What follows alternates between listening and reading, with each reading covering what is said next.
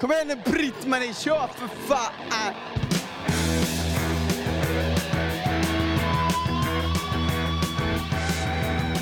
Ja, då är vi igång igen. Inte en dag för tidigt. C90-podden eh, rullar på med ett eh, specialavsnitt. Ja, riktigt trevligt ska det bli. Vi har ju planerat det här väldigt länge Ja. och våndats. Jag vet inte egentligen idag hur mycket jag lyssnar på liveplattor då. Um, man har köpt en del bootleg och så här och, och som jag kan sitta och men jag vet inte. Nej. Det är väl kanske vissa man åter, återkommer till. Men när, liksom, när, vi, när man börjar tänka på det här också så blev det verkligen så att jag... Nej, vad fasen, det var ju faktiskt ganska många år sedan jag satt och lyssnade igenom en, en hel liveplatta. Med, med något band egentligen. Ja, men för min del har det nog eh, trappats upp lite när jag har kommit igång. Det har ju gått i perioder hela livet när man har köpt mycket skivor och så här. Och nu har jag varit inne ganska länge i en period med vinyler. Liksom, och då har man ju kommit igång även. Det har Ja. blivit liksom en beskärd del av eh, liveplattor där. Ja, Eh, som, och det, liveplattor diskuteras ju ofta ganska mycket. mm, oh ja. Dels är det ju liksom det vanliga vilka som är de, de bästa, men också hur de har tillkommit. Jo men så är det ju, det är ju ett tidsdokument just för den artisten just då oftast. Ehm, så att, ehm, Och också att det är liksom hårdrocken gör ju sig den alltid, nästan alltid till sin fördel i livesammanhang eftersom Ja. det är en sån typ av musik. ja och, och samtidigt intressant det där med de banden som egentligen då aldrig, om man tänker i deras prime, släppte liveplattor. Ehm, um, Mötley Crüe släppte ju aldrig någon liveplatta. Uh, Rat likadant släppte aldrig någon liveplatta när, när, det begav sig. Uh, Van Halen släppte aldrig någon liveplatta när det begav sig utan den kom ju då betydligt långt senare på sista turnén de gjorde där. Uh, och eh, det är också lite intressant. Jag, och jag vet det att jag när jag snackade med, jag snackade med Steen Percy om det. Jag vet att jag snackade med Michael Anthony Van Halen om det. Och då var väl båda två, vill jag minnas, var lite samma sak. Att de tyckte att man, man skulle se bandet live och det skulle inte riktigt gå att överföra den energin som en liveshow var till en platta. Det kan man ju diskutera om det funkar. Jag menar, det, det funkade ju absolut för, för Kiss 1975 Alive. Det, jag menar, det var ju det som blev en, en breaking grej för det liksom. eh, För dem att de, de slog igenom på sätt och vis med den och det, det drog dem på allvar. Men ehm, Det, det, som, det är ju intressant med just det live, för det är väl den plattan som det kanske har pratats mest om huruvida den är fejkad och att eh, det var så, fast den egentligen spelades in liksom efteråt i, i Electric Ladyland Studios. Liksom att det enda som användes var typ Peter Criss cymbaler. ja. ja, och att det var alltså det, det, det som var... Eller jag tror också den, den naiva bilden man hade, säg då på 80-talet när vi ändå liksom, när vi var tonåringar och köpte plattor. Så, så hade man ju ändå en naiv bild om att för det första att det var en konsert som spelas in någonstans. Eh, och samtidigt också med tanke på att informationen var så bristfällig på den tiden innan nätet och allt det här så, så var det inte förrän långt, långt senare som man fick reda på här grejer. Att, att saker och ting hade fejkats och, och, och vi har ju snackat om det tidigare. Men jag menar, just jag, jag minns att jag och polaren diskuterade just det alltid att vi tyckte att Alive var mer rå och kändes mer äkta än Alive 2. Även om vi tyckte Alive 2 var fruktansvärt bra. Och sen i en sån lång, lång, lång senare då får man reda på att de är liksom på sätt och vis lika mycket fejkade med, med eh, eh Alive eh, består av flera konserter man har klippt ihop och det ska vara loopat eh, publikljud och gud vet allt och fixat i studion och allt vad det är för någonting. Eh, så lite intressant det där. Det, och, och det har ju också varit där just att, att liveskivor har ju många gånger omgetts av det där. Eh, det där med att det har fuskats eller någonting sånt där. Och då blev det blev viktigt sen tror jag liksom längre fram att band framhävde det där att ah, det är inga overdubs, det är liksom det här är det här är äkta, det här är rått liksom, det här är direkt från tejpen. Eh, men det mesta liksom menar fixas till. Och man, man kan förstå det också lite. Så menar, är du artist och du ska släppa ifrån dig någonting som ska vara någon form av live-dokument hur du är på scen och sådär. Så är det klart att vad fasen, man vill inte släppa ut någonting om liksom, gitarren låter surt eller trummisen spelar fel eller du sjunger falskt någonstans. Det, man förstår ju att man kanske vill snygga till det när du, när du väl har möjligheten att göra det. Som jag ser på live så är det ju producenten där, Eddie Kramer, spelar ju en, en extremt stor roll. För att han har ju lyckats att producera det så att det låter som att du typ sitter på scenen. Ja, ja, ja. Oh ja. Och han, om man säger att hans uppdrag var liksom att föra över, för, för det var ju känt liksom att Kiss var ett erkänt eh, bra liveband. som- Ja. Men det, det lät inte så bra Nej, på skivorna. Exakt, exakt. Och det lyckas ju han. Ja. Han lyckas ju föra över det på Ja. skiva. Ja. Och det, är- ju därför jag tror också att det blir sån enorm succé. Den går upp på nionde plats liksom på, på Billboard. Visst. Eh, för, för en live-dubbelplatta. Och då ska man komma ihåg också att då var de inte de superstjärnorna som de sen blev. Utan, Nej, gud nej. Och eh, den ligger också på topp 200 i 110 veckor. Ja, fan. Ja, det är galet. Men just det också att det är, en- att det är liksom en dubbelplatta. Ja.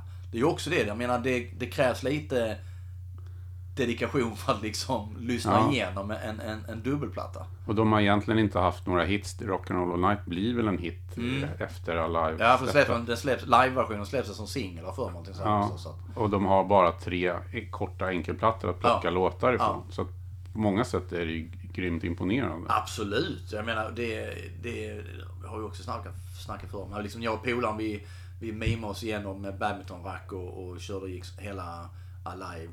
Och någon gång körde vi, någon nyårsafton körde vi både Alive och Alive 2. New Year's Eve special. Exakt, verkligen liksom. Hela mellansnacket allting och sådär. Och jag minns att vi, vi, vi jag för mig att vi samsade oss om vilka roller vi skulle ha. Liksom att jag var Paul någon gång och så, sen var han Paul någon gång och så Gino. Och jag för mig också att jag, jag, liksom, jag satt och mimade mig då genom hela Peter Criss trumsolo i, i uh, 100 000 years på, på uh, Alive. Med tio minuter. eller något sånt. Exakt, man, var- man, var ju, man var ju helt färdig efter det. Fan.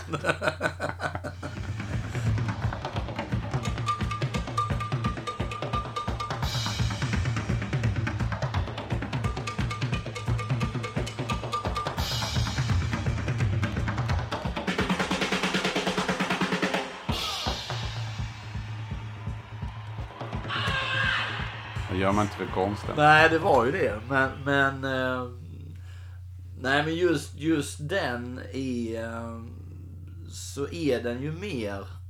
Alltså den, den låter ju mycket mer rå. Det, det är ju fan, egentligen så är det, det är ju mer.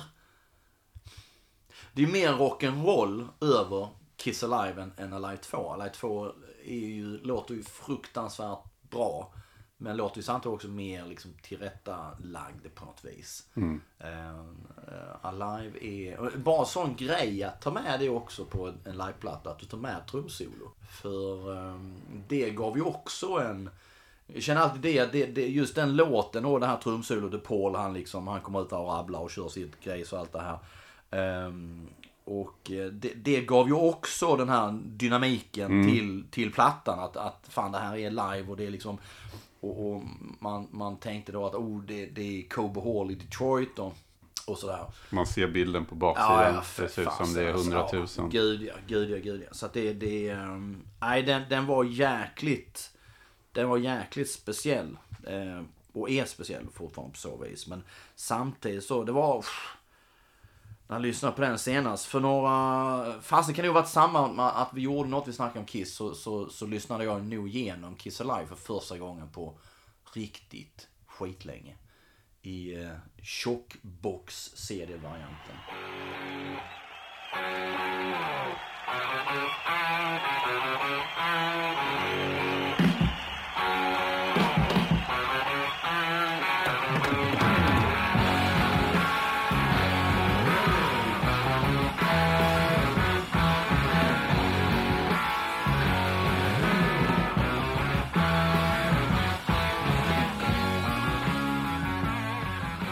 Kiss Alive släpptes ju 75. Ja. Eh, 77. 77 ja. Jag kommer Alive 2.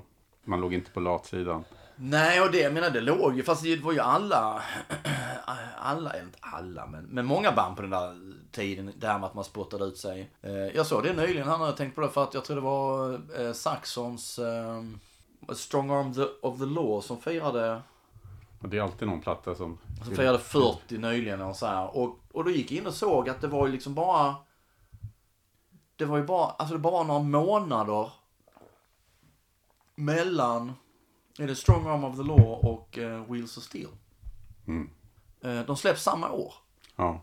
Det är, det är helt galet. Det, är liksom, det, det, det görs ju inte idag på samma sätt. Och det är ju två, och det med dem då, med någon sax, det är inte liveplattor, men det är liksom samtidigt, det är ju, det är ju två riktigt klassiska plattor i deras eh, repertoar. Och samtidigt var ju med Kiss ju, menar, det, herregud, de spottar ju för fan snusar grejer. Det är, det är helt vansinnigt. I tell you something. When you're down in the dumps and you need something to bring you up, there's only one thing that's going to do it the way you want it. What's that?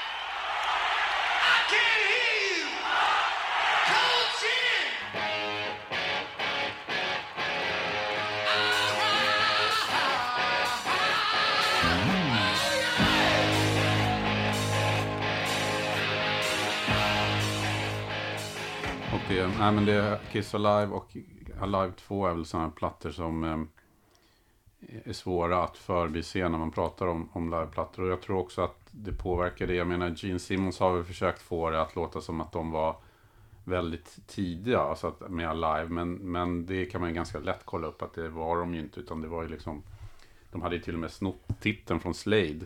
Ja. Slade Alive. Eh, och kommer inte, hur är det nu? Kommer inte eh, Peter Framptons eh, Comes Alive, eh, antingen kommer den väl samma år eller om det kommer året före det. Och den, den blir ju en sån, den har ju sålt 25 miljoner ex. Som också är så här, vi- också intressant. Peter Frampton var ju också en sån som var, han var betydligt större i USA än vad han någonsin var här tror jag. Och Verkligen. jag har alltid undrat vad liksom, aha, Varför han var så varför, ja, varför, varför sålde den 25 miljoner exemplar? Vad nu är det? En sån här hiskelig summa liksom. Jag menar så jävla fantastiskt är det inte. Eh, och ungefär lika konstigt som att, ehm, ehm, vad heter det? Um, Journey's Greatest Hits är en av de bäst säljande plattorna all time också som ligger där uppe någonstans. Så det är också så man, var, varför den? Var, en, samlingsskiva liksom. Ehm, men, eh, ja nej. Men, men även om det inte var först så blev, tror jag ju att försäljningsframgången då, den här enorma succén, eh, fick väl att, gjord, satte väl lite av ett, eh, ett bra exempel för många band som, som tog efter då. Och man lyssnade på Alive och tänkte att fan det låter ju så här bra, så lyssnade man på sina egna inspelningar. Så bara för man hade inte knäckt riktigt hur mycket Eddie Kramer liksom hade med, Nej. med det att göra. Men det, sen blev det också någonting som tog bort, kände jag, eh, som tog bort tjusningen med Kiss Alive och Alive 2. Det var ju sen när det kom så här då, långt senare, kommer Kiss Alive 3. Det är ju väldigt många år senare. Från Revenge-turnén. Då kände jag så här också, man, vad fan, en liveplatta, alltså det... Och den var ju likadan. Det visade sig sen också, den följde ju samma mönster. Jag tror hela den är ju bara inspelad på ett jävla soundcheck. Och mm. det.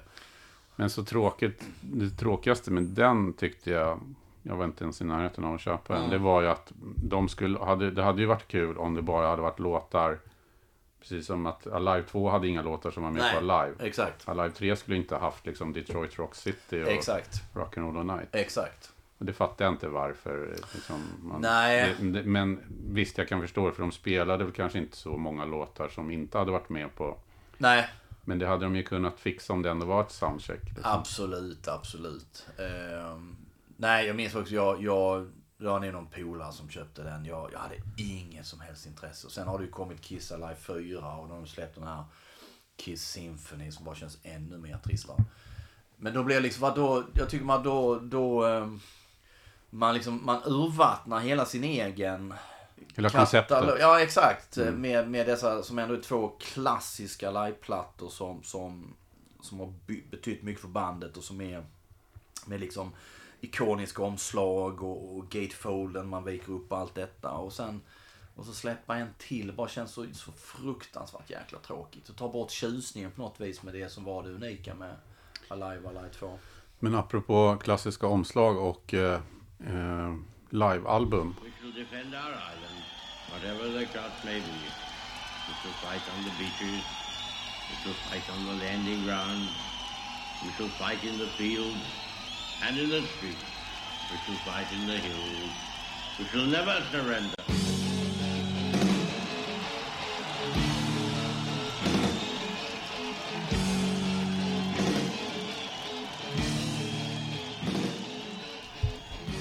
Håller- upp Live After Death. Ja, den är... eh, Ja, det är så jäkla snyggt. Det är så fru... Frågan är egentligen om inte det är deras snyggaste skivomslag.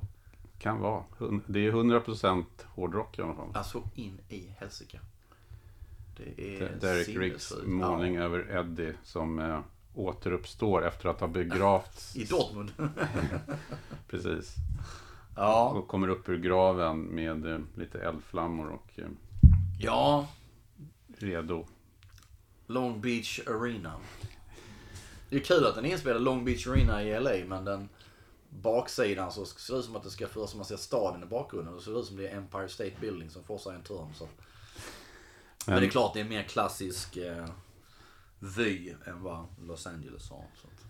Den är, det är ju, alltså om hur pass bra liveplattor blir det sen när man ser på dem i efterhand är ju mycket när och var de har spelats in. Ja, Och den här spelas ju in väldigt bra tidpunkt för Iron Maiden. absolut. Eh, Absolut. på Powerslave-turnén när de verkligen är på toppen. Oh ja. Och det är väl då också som, som de är, eh, man tänker just USA, så är det väl med, eh, med den plattan just Powerslave som de verkligen får riktigt och börjar dra riktigt stora publikmängder när de spelar. Så att det, den är ju liksom ett, verkligen ett, ett testament av det segertåg som de gjorde över hela USA.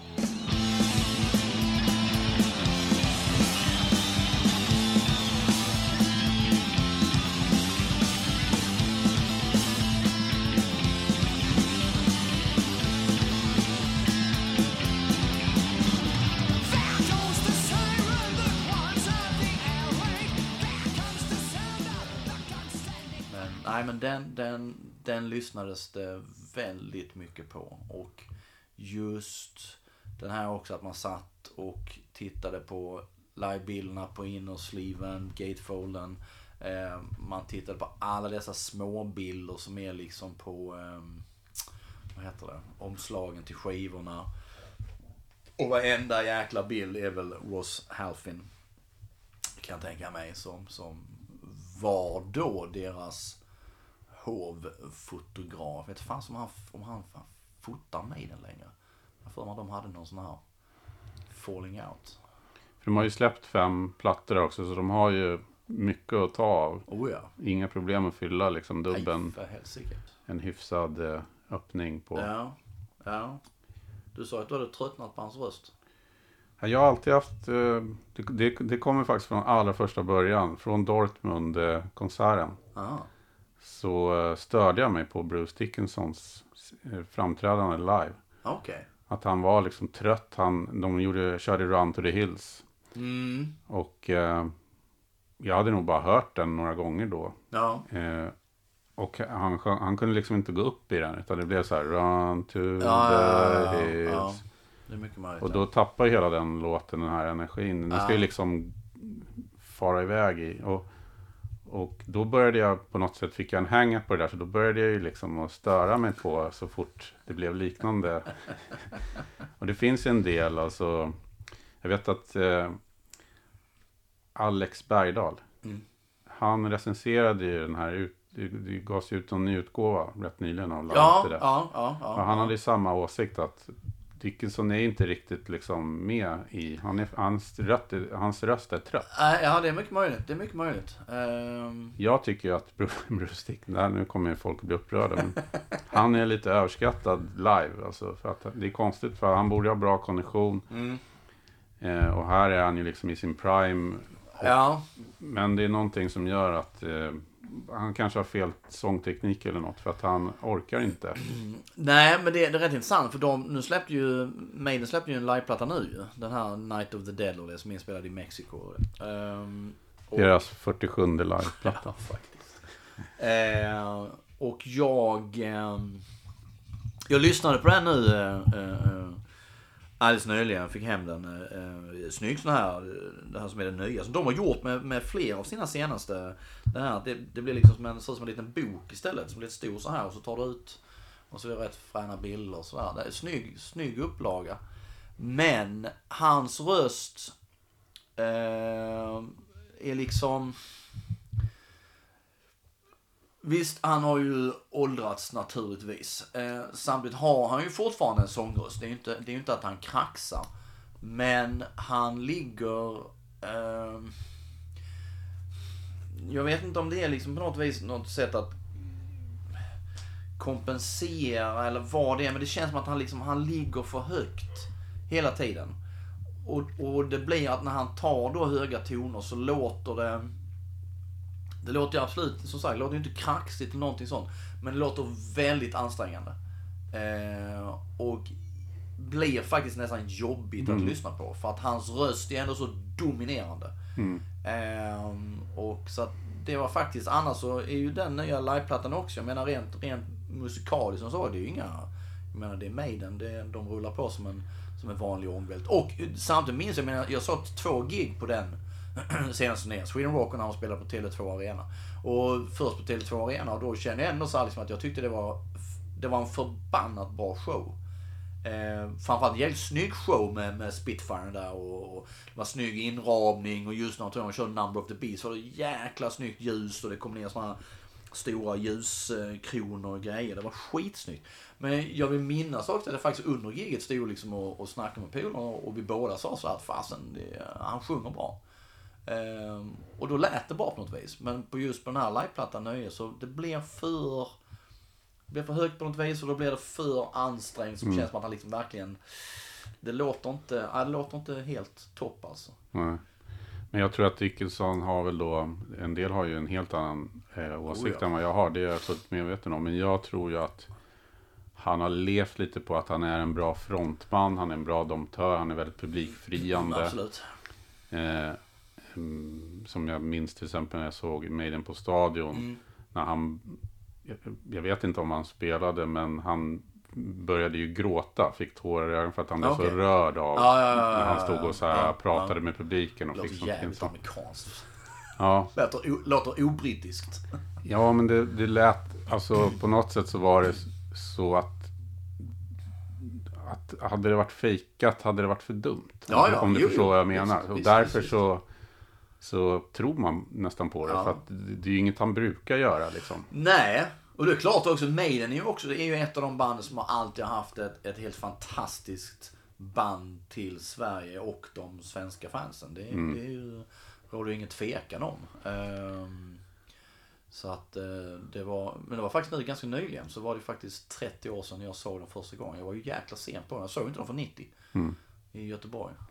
Men, men inget, inget, inget kan ju ta ifrån Dixon att han är ju en, han kan ju verkligen ta in en scen liksom Oh. och sånt där. Absolut. Men jag tycker att han har haft, och redan på Live of the Death, att, att eh, han har jobbigt liksom med sången. Mm. Och, eh, men om man bortser från det då, vilket de flesta då inte ens eh, tycker, så, så är det ju en, en, en grym liveplatta, Live of the Death. Ja, och jag minns när, alltså när den kom då också så var det ju så var det ju stort om man tänker liksom den, den media som var då med Kerrang och eh, Okej och så här. Jag vill minnas också att Okej hade väl några, tror jag, live-reportage just från eh, USA-turnén av Powerslave. Att, att eh, maffiabilder som Micke Johansson hade tagit och sådär. Så att, eh, det var ju en stor grej. Ehm, men ehm, nej, just och, och som sagt, jag, när, vi, när vi pratade här innan så som du sa, man skulle, man skulle haft den här på en plansch. Eh, det där omslaget. Jag undrar då fasen om inte jag har en sån. Eller så är det en sån grej som mina bröder har snott igen. Alltså det är ju ett klass, det är så jäkla mycket metal över det omslaget. Eh, och, och det är så... Det sa du också, just med färgerna. Det, här, Ja. liksom det här blåa på något vis. Det, är- det blir Det är så jäkla blått, snyggt. Fruktansvärt snyggt. Derek Riggs är ju verkligen en konstnär. Alltså. Ja. Och sen är det ju samma... Visst fasen är det samma typsnitt på titeln Live After Death som Number of the Beast? Är det inte det? Ja, kanske inte. Ja, jo det kan det Eller vara. liknande i alla fall.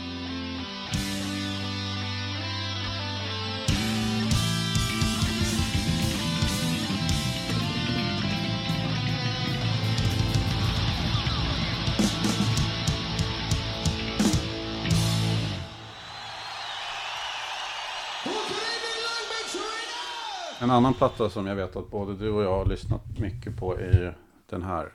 Ja, World Wide Live, Scorpions. lite kackigt omslag om man tänker på det nu. Det ser ju lite så här. Klipp och klistra. Fan, det skulle kunna jag ha gjort på den tiden ju. Det är ju innan Photoshop. ja. Men jag håller med. Men jag undrar om man, särskilt här liksom Rarbel-trummisen, Ja. det ser ju ut som man bara tagit en nagelsax på ett vanligt, vanligt semesterkort typ. Så här, och klippt ut någon. Exakt. Exakt. Man har knappt Ja. försökt liksom. Ja, ja, verkligen. Verkligen. Det är ju en bild då där medlemmarna står liksom in, ihopklippta. Så att man, alla, Ja. alla står i front liksom. Ja, jag vet, ja för att det, det, de hade ju den där grejen när eh, Klaus Meine brukade ju stå på Rudolfchenko och Mattias Japs ben. Ja, exakt. Ba- Baksidan. baksidan. Ja. Eh, fan vad undrar hur man liksom, de har jobbat fram det där. Fan, vi måste göra något jävligt coolt killar. Jag ställer mig på era ben. Men däremot, de här, Gatefolden är ju inte så dålig. Nej, och jag vill minnas att det där är eh, eh, San Bernardino, alltså US Festival. Eh, Okej. Heavy Metal Day, samma som Van Halen Headliner. Det är, ju, eh, det är alltså en bild som ser ut att vara tagen typ från trumpodiet. Typ, Ja, jag menar det ser ut som det är fan halva jorden som står samlad och tittar på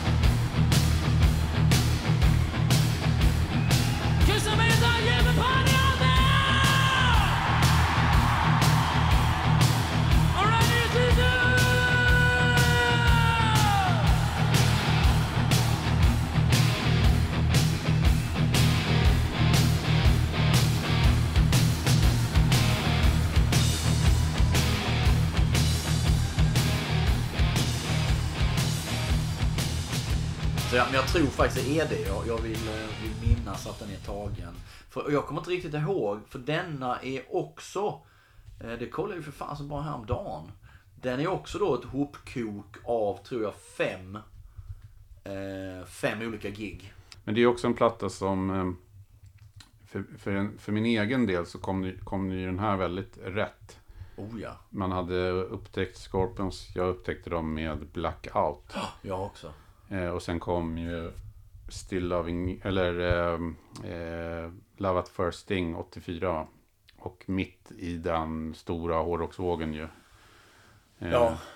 Och, och World Wide Live då, dubben släpps ju efter, ja, den är ju inspelad då på Love at First Ja, Sting-turnén. ja, Och där hade väl Scorpions gått lite från att ha varit det här underground-bandet på 70-talet som, som idag är väldigt kreddigt eh, och hyllat. Eh, till att det har blivit lite mer arena hårdrock. ja. Och jag menar det är väl också egentligen... Eh, det, är ju den, det är ju den turnén där också som de blir ett band i USA tror jag. Eh, även om de då spelar på den här Us Festival 83 Heavy Metal Days och, och de är ju ett namn där, absolut. Men jag tror just med Love at First Sting så blir de också en, del av menar, den, den, den amerikanska hårdrockscenen egentligen och liksom bakas ihop med Sunset Strip och allt det där. Och börjar verkligen dra riktigt stora Kommer hunden och klagar här. Han gillar inte Riktigt, Scorpions. nej exakt fasen.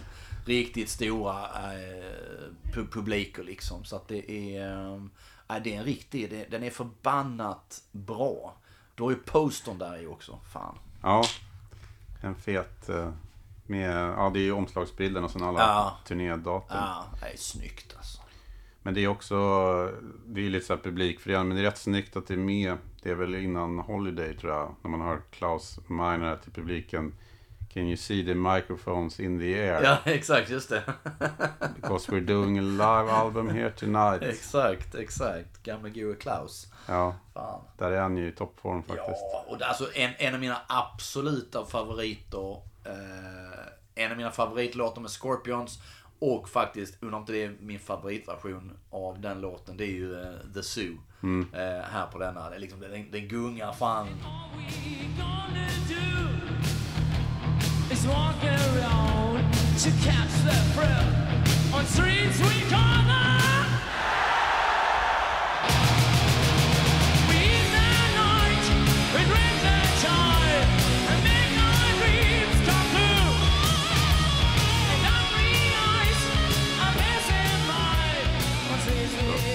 nej, de är ju verkligen i, eh, på toppen här. Ja, utan tvekan. Och- Utan tvekan. Och kommer aldrig tillbaka i samma form sen riktigt. Nej. ehm, vad fasen kommer efter Love at First Sting? Savage Amusement, det tar ju fyra år innan den kommer. Ja, För den här släpps ju, just det, det är 88 då va? mm, den här släpp, World by Live släpps ju 85. Ja, Jag ser ju Scorpions 86 på Monster of Rock. ja visst På Råsunda. Tappar bort det. mina kompisar så jag står helt själv och ser hela Just Scorpions. det. Just det. Kommer jag aldrig glömma. Men eh, då hade jag ju haft den här skivan ganska länge. För den Ja. här släpps ju ett år tidigare. Ja. Men konserten är ju typ den här liksom. Ja, ja, ja. De kör ju liksom nästan Exakt. hela det här Exakt. sättet. Exakt. Nästan. Det är väl några ändringar vad jag minns. Ja. För är det turnén, undrar om det är turnén då 88? För då är de ju fortfarande, då är de ju liksom svinstora i USA också. Det är, då, är inte då de har liksom ehm, att ljusriggen är som en Flying V, har för mig.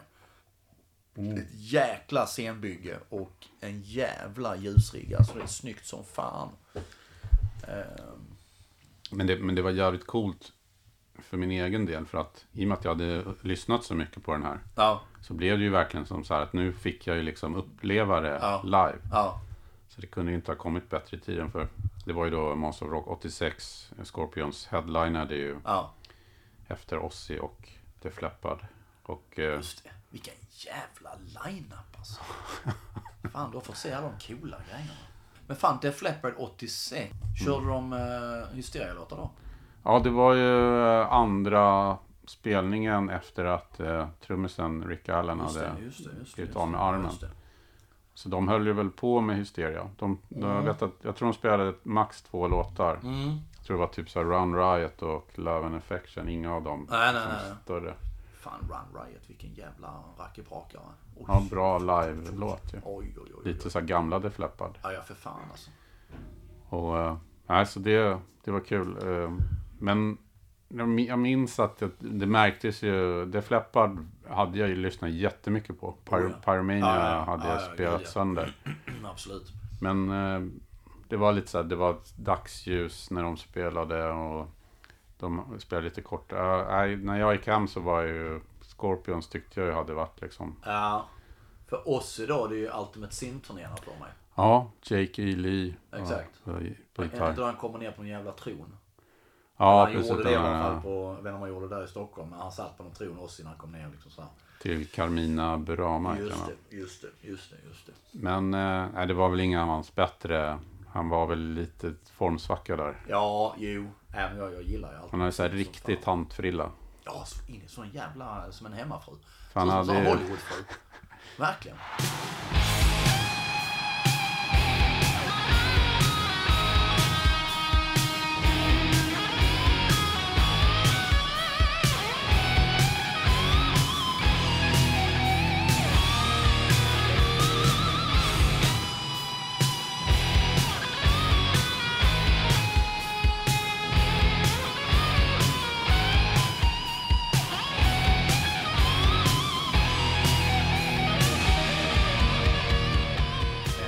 Scorpions, det, ja, jag minns också den.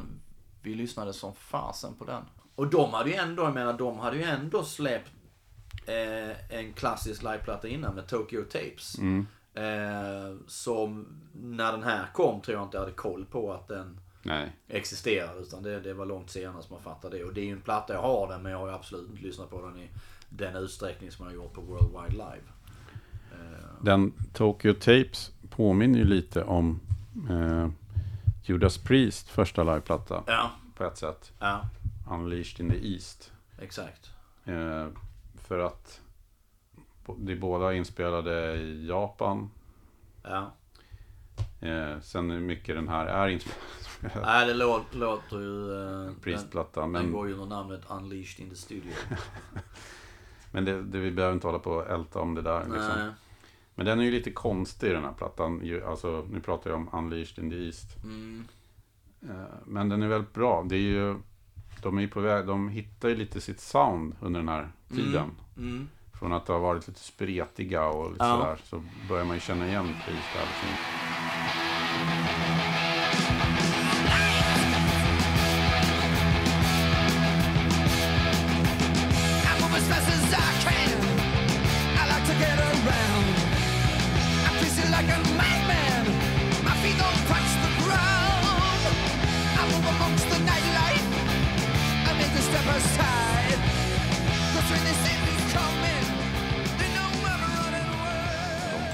Men det är, det är alltid tråkigare med, tycker jag, live och album som är enkelplattor. Ja, ehm, helt klart. Ehm, jag vet inte hur många låtar är det på den?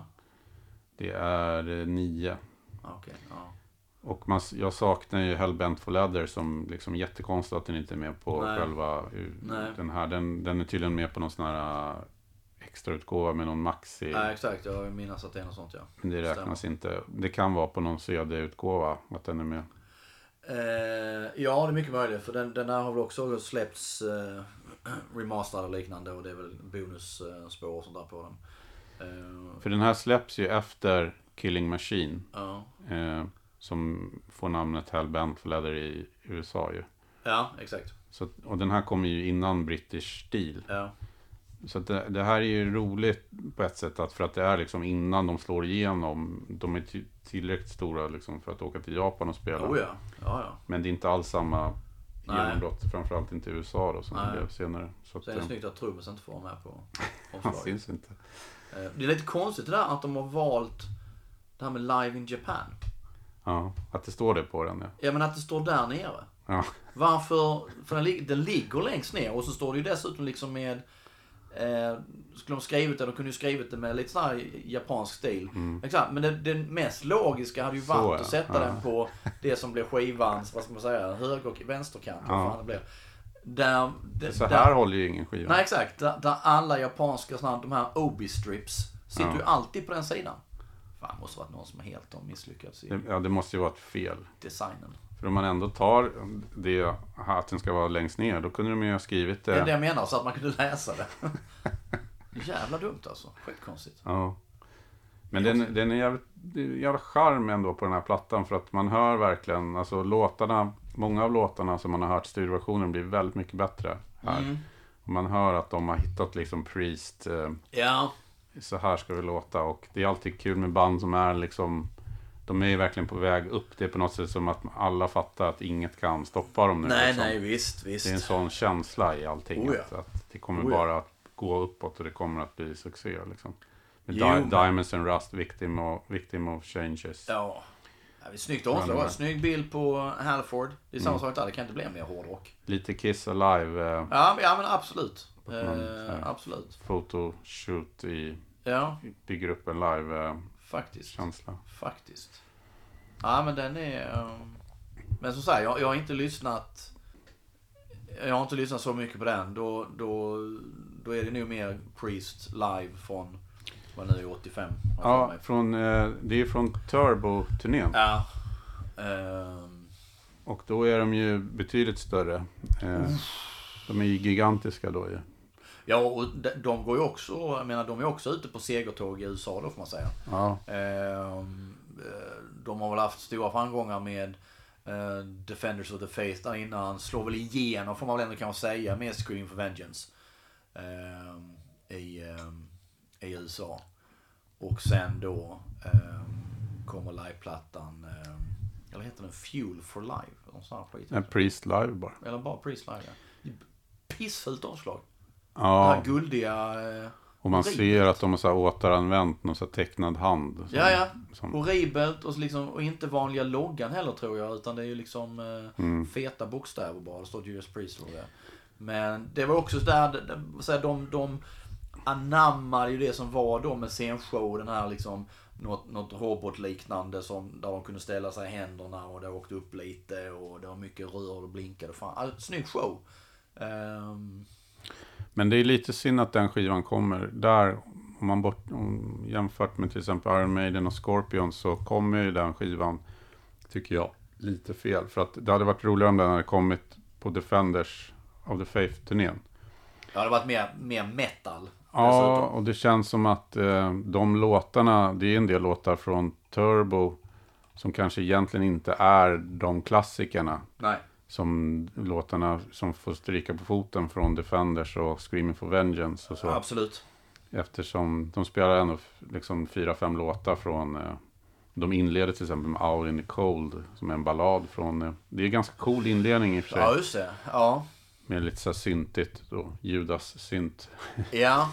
Men eh, det hade varit kul med en platta från Defenders-turnén istället. För det känns som att då Definitivt. pikade de verkligen. Och, Ja, ja. och som du sa, då var det verkligen det här hårdrock, Judas. Ja. Det fanns liksom inga betänkligheter. Nej, det går ju fan ut för när KK Downing permanentar sig. Liksom. Ja. Är, Och som, men vi var väl inne på det, vi har ju ett helt avsnitt tillägnat Priest. ja. Rob Halford var ju liksom inte i topp. eh, han- Nej, det är väl då han, han, han, eh, han koksar för mycket och dricker för mycket och, och, och sådär. eh. Och känns ju osäker på vem, vem han ska vara. Han ser, Ja. han ser ju inte bra ut. Alltså, han klär sig fult. Han låter håret växa ut, det lilla håret Ja, han har kvar. Exakt. Om man jämför med liksom hur han ser ut sen på Painkiller. Eller där, där han har allt på plats. Ja, ja, för fan. Nej, men där är de det, lite, lite är det att de, den scenutstyrsel som de har på eh, Turbo, det här eh, liksom röda och blå och svarta liksom plastlädret eller vad fasen nu är för någonting. Där det liksom som är Futuristiskt. Ja exakt, det är hela dräkter de har på något vis. Eh, inga, inga nitar och så här som så. Påminner lite om, eh, eh, påminner lite på något vis om, jag tänker alltid på Docken och Lock and Key. Lite samma, det är samma färger, samma den här plastlädriga som jag tror Don Docken står i och, och sådär. Men, ehm, Nej, men Nej. jag tror att de blev lite, under den där perioden så blev de lite um, offer för liksom bilden som skulle byggas upp. Att de skulle vara det här uh, coola bandet som liksom var svinstort i USA. ja, ja, ja. Så de tappar ju liksom sin identitet lite. Ja, Men vi hittade ju så här uh, reklamfilmer när, som vi exakt. finns att höra på. Priest. Helt Från den tiden när, Pri, när Rob Halford står och liksom I kostym och grejer. ska sälja in eh, turbo. Och det är verkligen så här eh, klämkäckt. Och, Ja, ja. och att de ens ställer upp på det. Nej, Liksom. nej. Men det är samtidigt, det är, det är mitt, liksom, det är ju smack dab in the middle på hela den, liksom, just, just runt där liksom. För där börjar ju verkligen, man tänker så här 85, 86, 87. Där är ju verkligen hela det, det, liksom det amerikanska eh, hårdrocksfenomenet på sin topp. Man, man, man tänker utstyrslar, scenshow och Ja. det är så jävla stort och svulstigt och allt det här. Och Det man kan- omsätter framförallt enormt mycket pengar. Ja, ja. Och man kan tänka att Priest, jag menar herregud, de, Turbo är ju ändå en är ju ändå en framgång och det är en stor turné och Ja. sådär så att... ehm, Det är väl lite nu i backspegeln som när man liksom ställer dem mot varandra. Så Ja. man ser att de, de tidigare Defenders och Screaming är, känns mer som klassiska liksom priest oh, ja, ja, ja, ja, ja, ja, ja.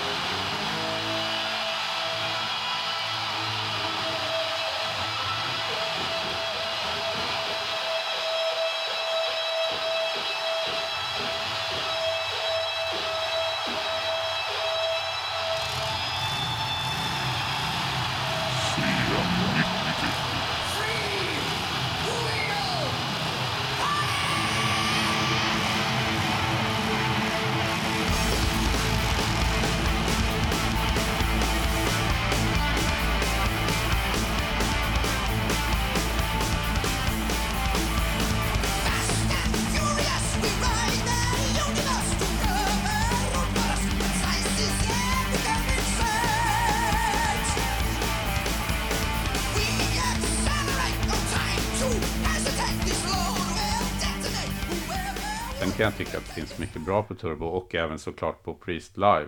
Absolut. Men det är lite det här också, man, det har gått för lång tid för vissa låtar som, som de bara stökas över. Ja. Liksom. Du, du Ja. har inte den här, de har inte den här energin Nej. att köra Living After Midnight som, att det, som de gjorde när den, på första och andra Nej, nej, nej, nej, visst, visst, visst. turnén. Och då, det blir sån jävla skillnad faktiskt. Ja, absolut, absolut. Men det är, jag, jag, jag, ty, jag tycker den tiden är så jävla fascinerande. Eh, just hur, hur banden klädde sig och det här med liksom, det blir såna jäkla scenshowerna blir liksom så, det blir gigantiskt alltihopa. Eh, och, men samtidigt så är det ju också som sagt att det, det drar fruktansvärt mycket folk i USA runt den här tiden. Det, hårdrocken är så jävla het. Plus att de blir ju här med, med Turbo så blir ju också Priest rent utseendemässigt så blir de ju jävligt amerikanska. De blir ju fullkomligt obrittiska. Alltså ra, raka motsatsen till som du nämner innan då med Defenders of the Faith, Screaming for Vengeance, det som varit. Alltså då är det nitarna här svarta, coola, fan och ser fortfarande brittiska ut. Lite småfula sådär. Och sen så kommer detta eh, Rob Halfords frilla, Cakey Down, så här permanent. Alltså helt plötsligt ser fan inte klok ut liksom. Ser också ut som någon sån här Hollywood-morsa. Och apropå dockan, de, de åker ju med dockan genom hela USA. Ja, ja, ja visst.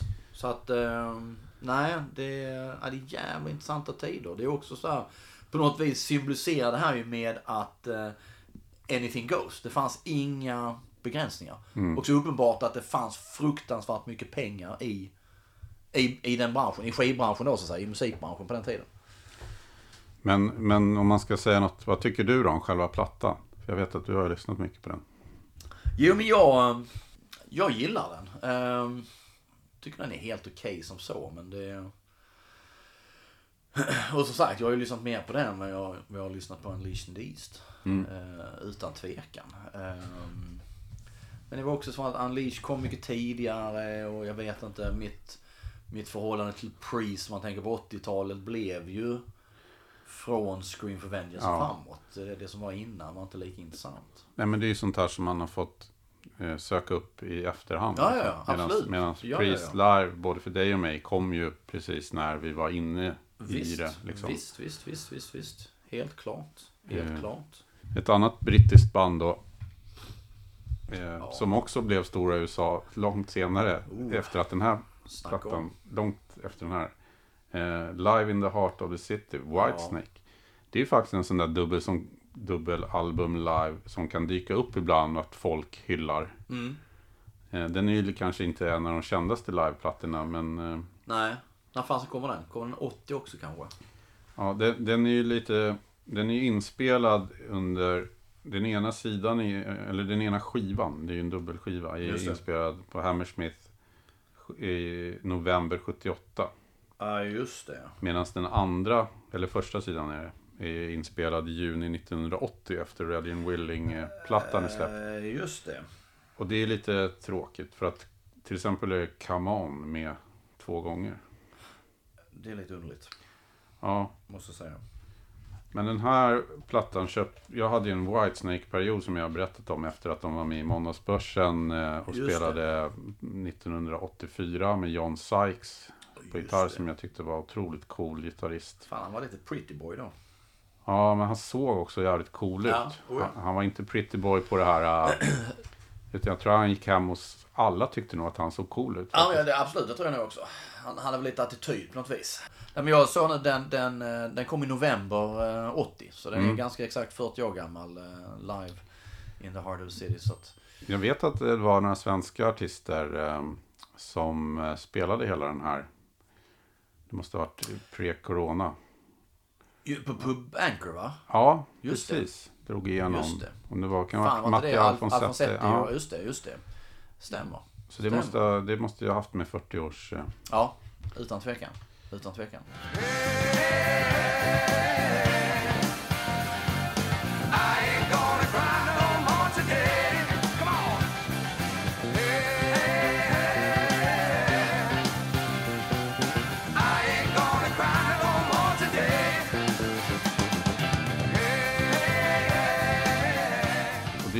Whitesnake är ju det kan man ju tycka både roligt och trist. Men det här är ju ett helt annat band än eh, egentligen ja. vad det var som sen slår igenom stort eh, 1987. Ja. Och eh, trans- transformeras ju lite, även om det går ganska fort. Så är det liksom Slide It In till exempel, som jag föll för, var, Ja. ju, var ju mer hårdrock. Ja. Oh ja. Den här, den här plattan är ju väldigt, det är mer blues. Lika mycket bluesrock som Mm. hårdrock kan man väl säga. Eller, Mm. det är absolut ingen metal. Nej, nej för fan. Ehm, nej, det är, ju, det är ju ett annat Whitesnake det där. Man får ju verkligen säga att det är pre eh, 87. Det blir ju verkligen en sån där Mm. skiljevägg eh, vad gäller. Det är ett Whitesnake före 87 och ett efter. Och, men likadant som med, med Prisa också. Man ser hur Coverdale, han har själv berättat hur han liksom, han gick all in på hela jävla Hollywood-grejen och stort jävla hår och så är han tillsammans med Tony, Tony Kitane och ehm, Så att ehm, Nej, det blir också, men det är ganska intressant att det tar att att det ändå tar, där blir ju Whitesnake massiva i USA. 87 ja. Ja, tack Mm. vare hero, nyinspelningen av Here I Go Again och, och sådär.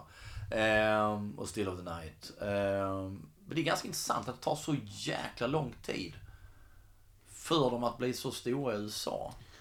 Men det, Eh. det började väl med Slide In. De, Det de, tror jag och det, det är då jag upptäcker dem också som du. Och jag, jag minns måndagsbörsen. Mm. Ehm, Men, men också med USA lite grann. Att de, att de, de släpper ju en amerikansk eh, remix av Slide Mm, In till det. exempel. Där det. John, där John Sykes då får lägga på. Eh, Exakt. Och jag tror att de, det var inte helt liksom tomt. När de, när, det var lite krattat för Ja. 1987. Ja.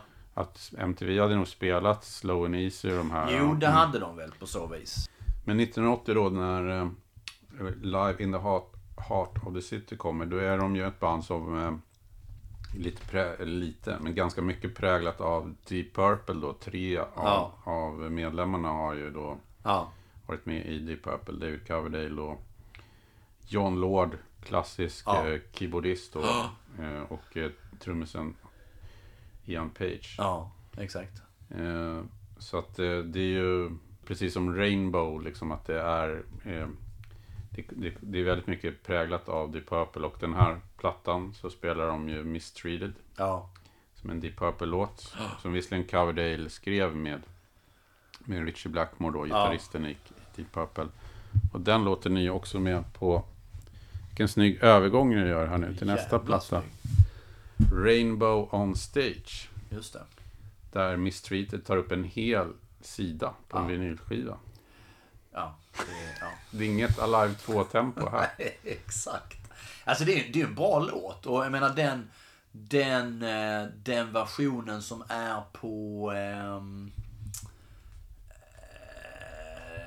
på California Jam är det väl? Ehm, Där de har den här eh, regnbågen i, i bakgrunden. Ja, den är ju, den är ju överjävligt bra alltså. Det, är- det är en jäkligt bra låt. Men ehm, så lite lång kanske. On Stage med Rainbow är ju lite bortglömd liveplatta. Kan man inte säga det? Jo, och sen, jag ska säga, omslaget. Nu vet inte jag, det finns kanske säkert andra versioner. Men jag menar, det omslaget du har här. Så... Se, alltså det, det ser ut som någon sån här jävla ihopsatt av något billigt skivbolag som ska liksom plocka in eh, lite cash. Just att det är så här i varje, båda övre hörnen är det svarta fyrkanter och så står det On Det Stage. ser för jävla fult Tänk om de bara hade tagit den livebilden. Mm. Och så hade det stått Rainbow-loggan över det. Mm. Satan så snyggt. Jag kan, vet du vad jag kan tänka mig har hänt här? Att bilden var inte tillräckligt upplöst. Nej, antagligen.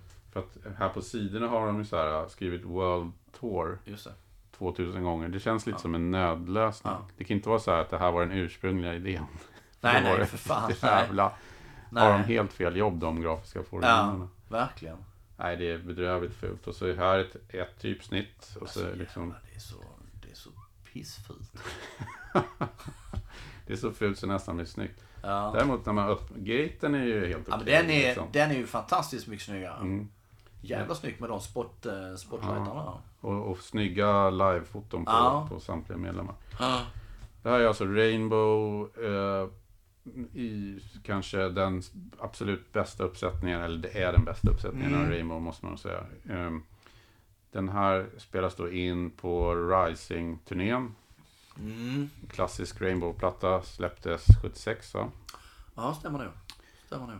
Precis som Destroy 76 och samma omslagstecknare. Den här regnbågen. För fan, Ken Kelly. Ja, Just det. den har han ritat. Som även gjort Manowar. Hur fan, hur liksom... Galet. Ja, men det där var ju långt senare och Jo, rena rip-offs på... Bara känner att det måste varit fett betalt alltså för att göra Manowar. Det... Men det som är kul med den här äh, lite märkliga, fula onstage-plattan är att äh, Rainbow är ju absolut i, i, på sin musikaliska, konstnärliga topp, tycker jag. Det är Ronnie James Dio som sjunger, det är Richie Blackmore såklart, det är Cozy Powell på trummor, Tony Carey keyboards och Jimmy Bain på bas.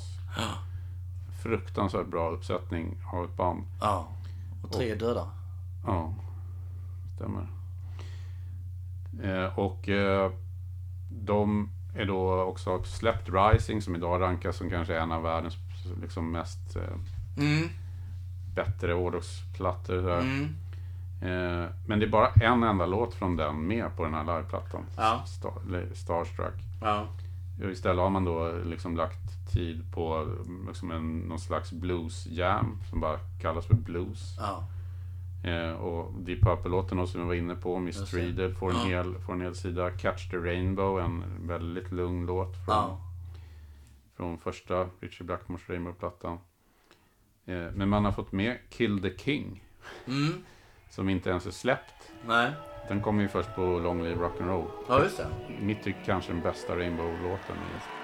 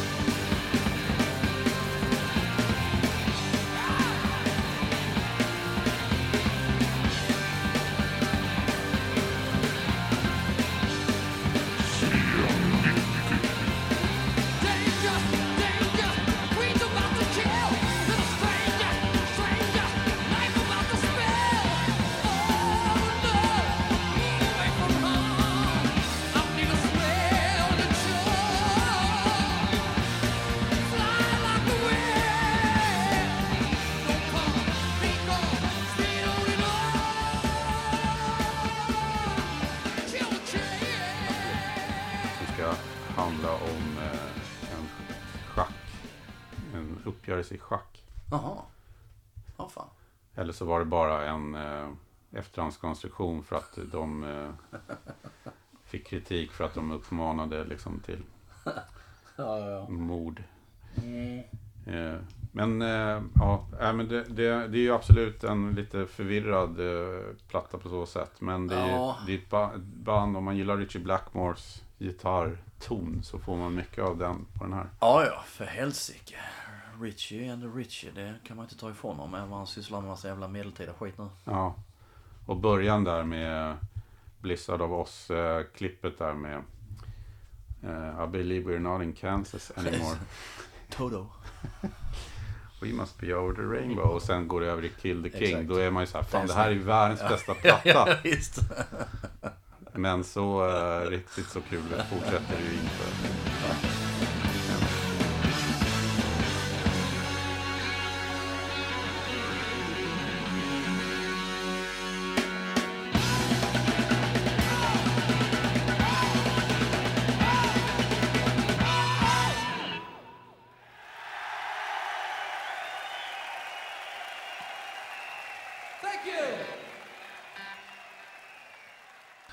Börjar bra. Ja, absolut. Absolut. Ja, vad ligger det mer för grejer där? Ja? Den där ja. Vilsna. Live in the Raw. W.A.S.P. Också en enkelplatta. Ja. Vi pratade om den innan, att det var lite konstigt att jag köpte den direkt. För jag hade inte köpt Inside Electric Circus som var plattan. som kom. Men det är, lite, det är samma som med Priest och sånt. Den här kommer under en tid när vi liksom är med i matchen. Det är inget vi har gått så här tillbaka för att plockat upp. Nej. Eh, många gillar ju den här. Den eh, Ja. hyllas för sin... Eh, för hur det låter helt enkelt. Ja. Och ja, det, det fångar ju W.A.S.P. W.A.S.P. också ett bra liveband. Blackie sjunger bra. Det är jävligt mycket energi. Visst. De har, de har många bra låtar också måste man ju säga. Som eh, I wanna be somebody och Blind in Texas och Love Machine. Och, Oh ja, det är inget fel på dem. trots att det inte är... Ja, de har tre plattor att plocka. I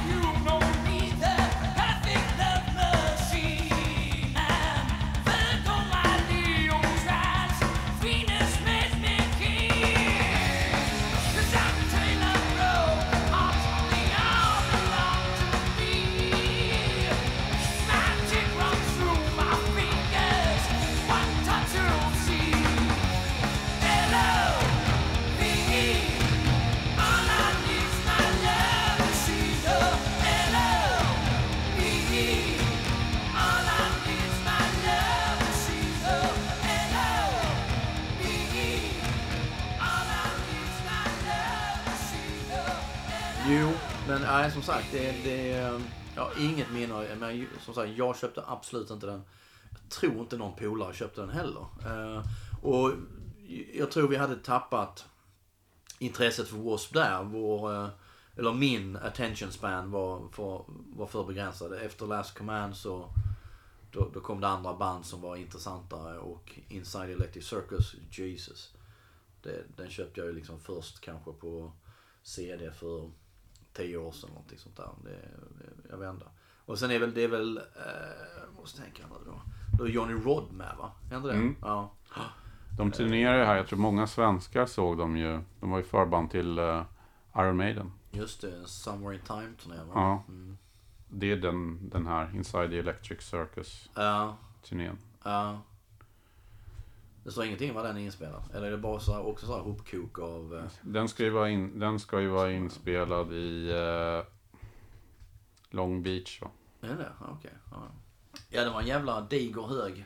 Men ska vi, vi måste nästan börja, vi har pratat i över en timme så vi måste ju gå på våra topp fem. Bara flyger iväg liksom. Eh, ja.